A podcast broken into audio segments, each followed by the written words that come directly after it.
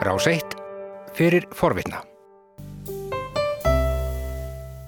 Er að hlusta á morgunvaktina á Rás 1, 50 dagur í dag, 18. februar, klukkan 6 eh, minútur gengin í nýju og eh, komið að heimsklukkanum.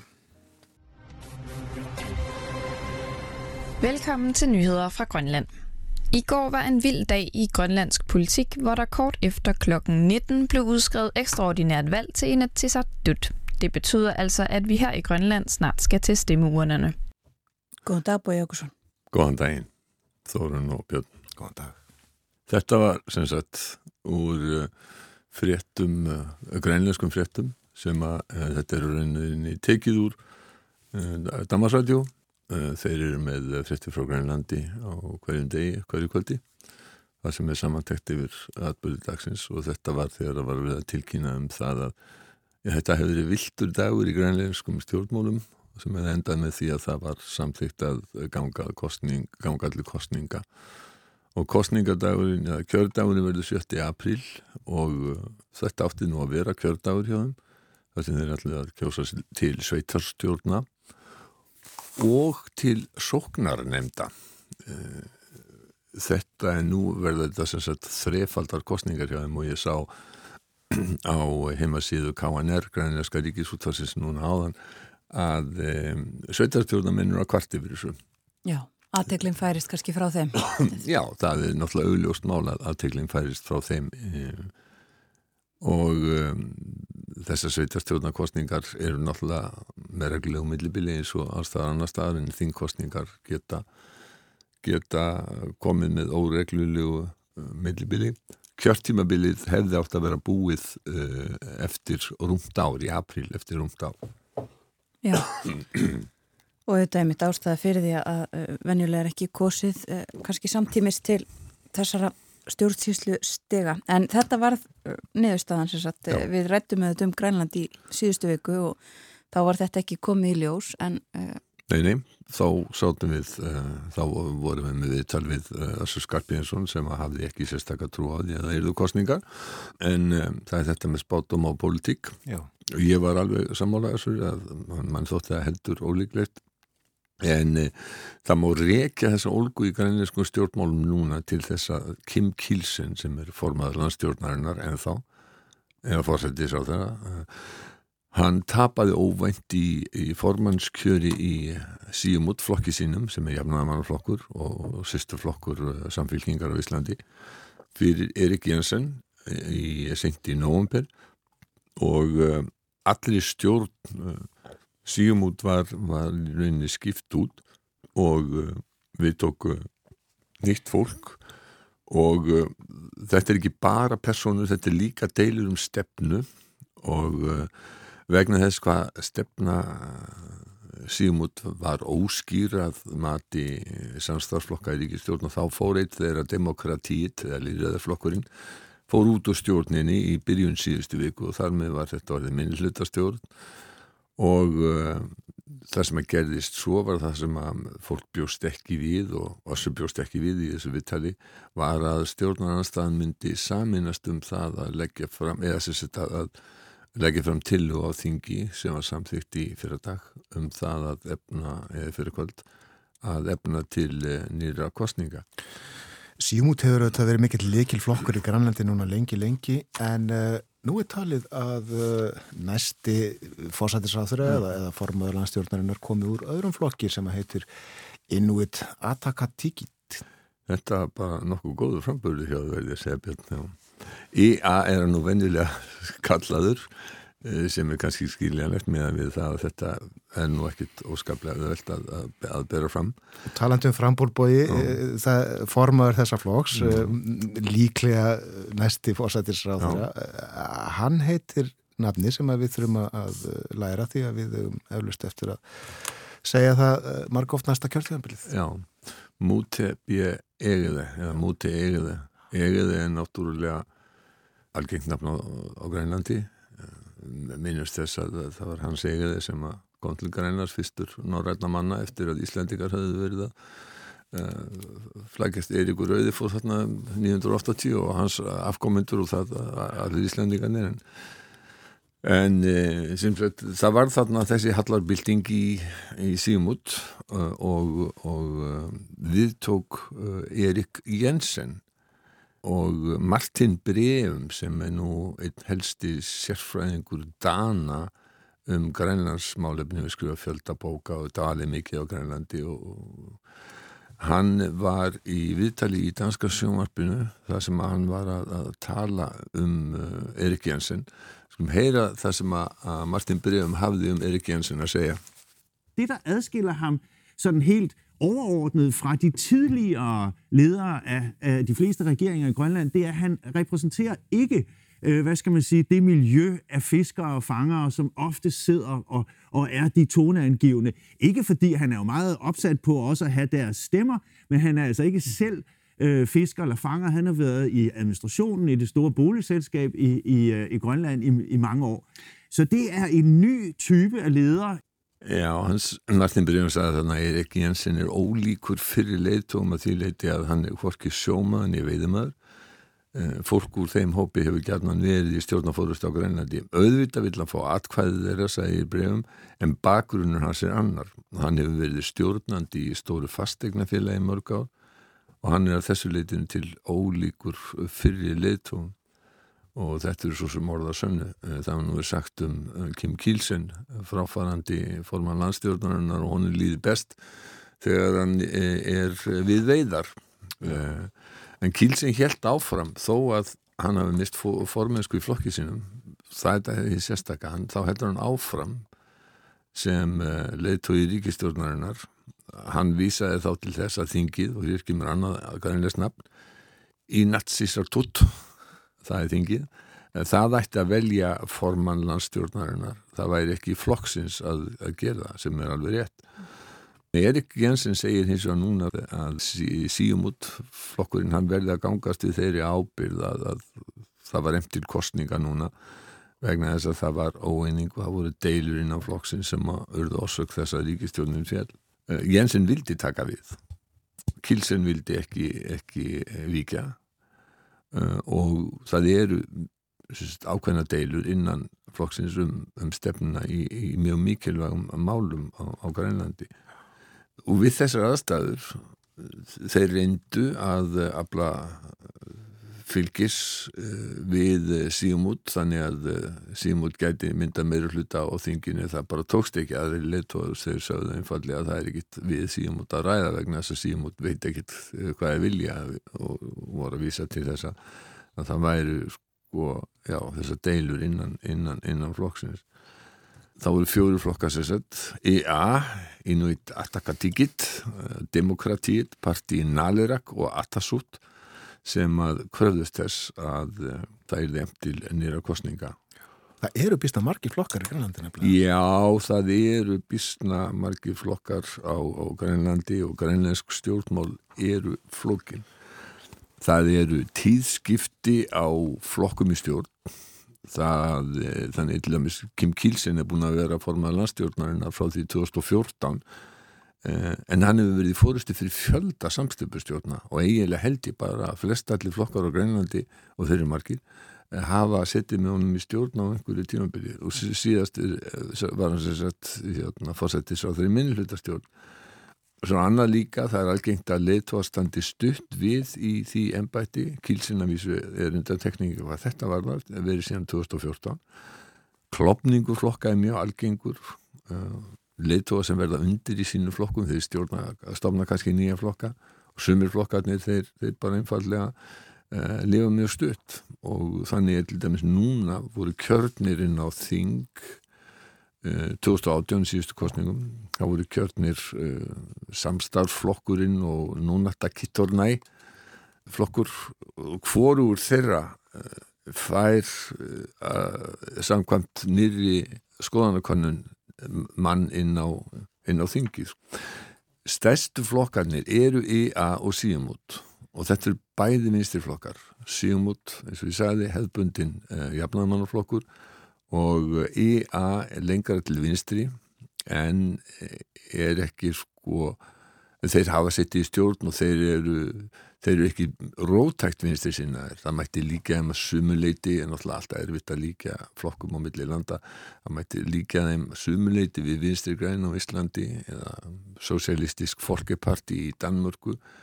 Um, og þetta eru sýstu flokkar og uh, þeir hafa farið með stjórnarfórist á Grænlandi Gubi Klæst var uh, fyrir uh, rúmum áratug uh, formadur landstjórnarinnar og en, en af, það voru þrjá, 31 þingmaður á, á, grænarska þinginu og en sjö flokkar sem á voru kjörni síðast líkur á því samkvæmt þessari konun að það verði færri flokka núna Já.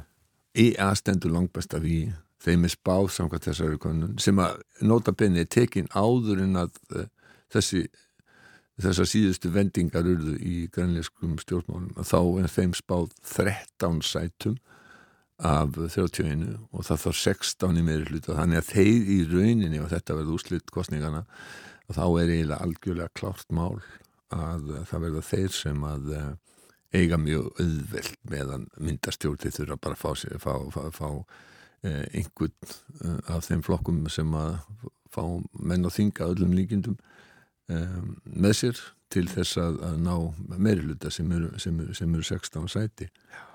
Og, og þá er komið að, að þessum unga manni sem er nú bara 33 ára gammal múti eigaði hann er fættu 1987 verður 34 ára núna í mars.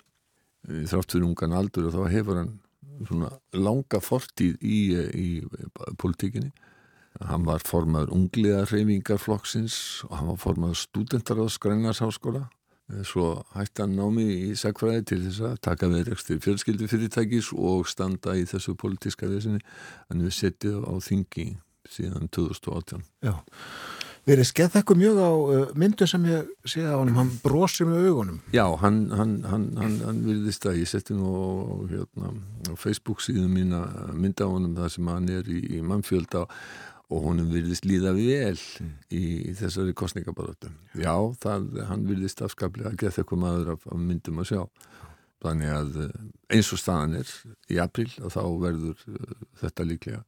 Seks vikur til kostninga í Grænlandi við erum nú eftir að fylgjast með eh, farið við skoðanakannir svona eftir því sem það berast. Jú, sko aðal málin í kostningabarátunni þau er um, deilur um námuðislu eins og össur útlistaði fyrir vikuð síðan og ég, ég bendi þeim sem er áhuga mennum það á að, að lista á, á, á vittalið í hinskluganur frá því fyrir vikuð og uh, það eru innviðir, það er að segja flugvillinni sem er verið að byggja. Uh, það er nefnilega núna komið í ljós að þeir eru áætlanir standast ekki og þetta verður aðlum líkindum þriðjungi dýrara heldur en að gert var á þeirri og þá þarf að taka erfiðar ákvæðunum það á að halda áfram uppbyggingu allara þryggja flugvallana eða uh, verður að grýpa í taumana einhverju leiti og svo eru það fiskveðar og uh, þar standa þeir frammi fyrir því að það er oflítill fiskur of margir sem að vilja veiðan og við náttúrulega þekkjum þetta dæmið aldrei Tríne Junker Jönsen sem er uh, rittstjóri Sermitsjak uh, í, í, í Grænlandi núna hún var í viðtali uh, og, og sagði svona frá því hverja væri deilurnar í fiskveðimálum Øh, de seneste par år har man arbejdet for at få en ny fiskerilov i landet. Øh, der er jo et stigende pres. Øh, dels er, er der nogle meget store aktører, som ligesom rationaliserer det og, og gør det effektivt af fiskeriet, men der er altså også en hel masse små fiskere, fangere, som lever af det her erhverv. Og hvem skal man til gode se, og hvordan skal man til gode se de forskellige aktører? Øh, det er noget, man har talt om længe, og ikke noget til enighed om.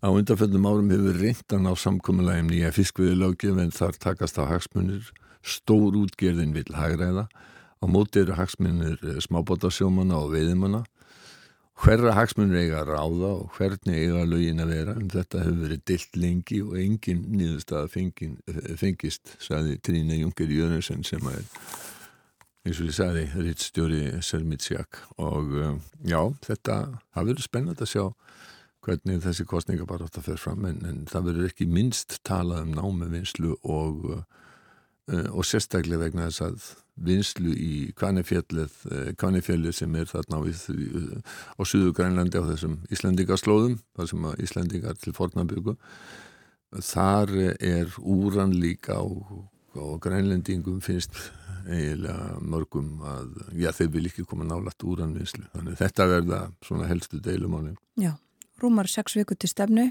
til kostninga og við höfum ábyggil eftir að ræða kostningabortuna og uh, svo kostningarnar uh, setna. En uh, við ætlum að tala líka um annað, við ætlum að tala eins um NATO, Allandshafsbandalæði, varnamálar á þeirrar funduðu í gær?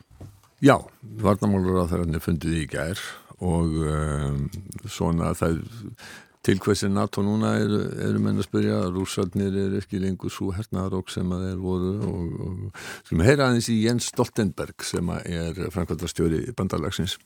Det gir muligheter for økonomiene våre, for handel, men det gir også noen store utfordringer fordi Kina er en stormakt som ikke deler våre verdier, eh, som har verdens nest største militærbudsjett, og som uh, herser med uh, andre land. Sko þetta var uh, Jens Stoltenberg sem hann er að tala um þann sem það ríki sem er kannski helst í anstæðingur eða keppinautur NATO-ríkjana núna og það er, það er Kína. Mm.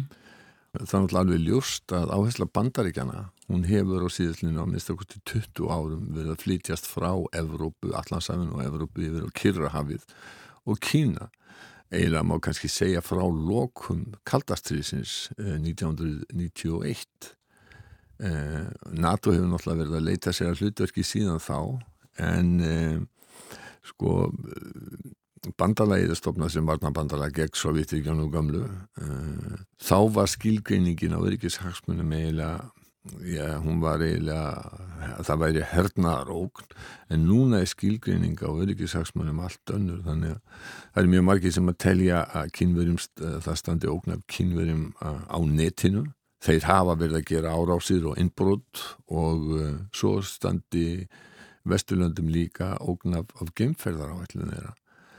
Uh, þetta er sérstætt um, eina af ástafanum fyrir því að uh, menn líta svo á og svo hafa kynverðir að verið mjög, ja, hvað getur það sagt, aggressífir í sínu eh, nánasta umhverju. Þeir hafa verið líka mjög, mjög mikil útþenslu í Afríku og víðar og framkomað þeirra hefur verið þannig að það stendur margir telja þeim standi ógnaðin eh, í, hérna, í framtíðinu. Heyrum aðeins meira í eh, Jens Stoltenberg. Målet er at Nato fortsatt skal være, og Nato vil fortsatt være en regional allianse, Europa og USA. Men truslene som er mot det regionale området, de er globale. Og Derfor må vi ha en global tilnærming for å beskytte vår region. Þannig er eh, Stoltenberg í rauninni að skýra aðeins hlutverki hvað er NATO að vilja på dekki í Östur-Assi og hann segir sko NATO er uh, svæðisbundið varnarbandalag en núna er er rauninni lítið hægt að tala um svæðisbundi vegna þess að, að þetta eru glóbal, þetta eru alheims ógnani sem er í gangi sem er alltaf alveg rétt vegna þess að, að þegar NATO er stopnað 1949 þá, þá er ekki til neitt neitt og, og, og þá eru menn ekki farnir þá er ekki hérna, farið að fara út í game og þá er ekki gerfitungl sem skipta svona gríðarlega miklu máli eins og núna Akkurat. og kínverjar hins vegar þeir líta á, á á bandaríkinn sem sinn aðal keppinaut uh, og uh, þannig að þetta er gagvænt, bandaríkinn líta á þá og þannig að, að þetta er það sem að verður að öllum líkindum í framtíðinni í stórveldapolitík sko svo svona rétt í lokin að geta þess að það er nú ekki alveg nýtt að menn líti á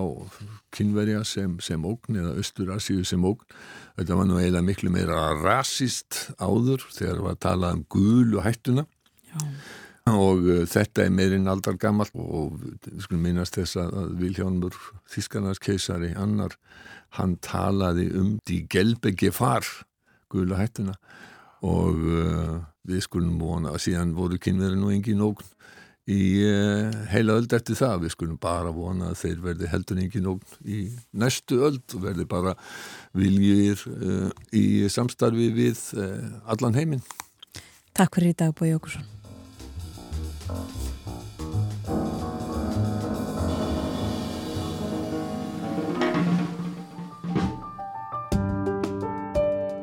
varst að hlusta á hlaðvarpsþátt frá Rás 1. Ef þið langar til að heyra meira, farðu þá á rúf.is skástrygg hlaðvarp eða spilaran á rúf.is skástrygg útvarp. Rás 1 fyrir forvitna.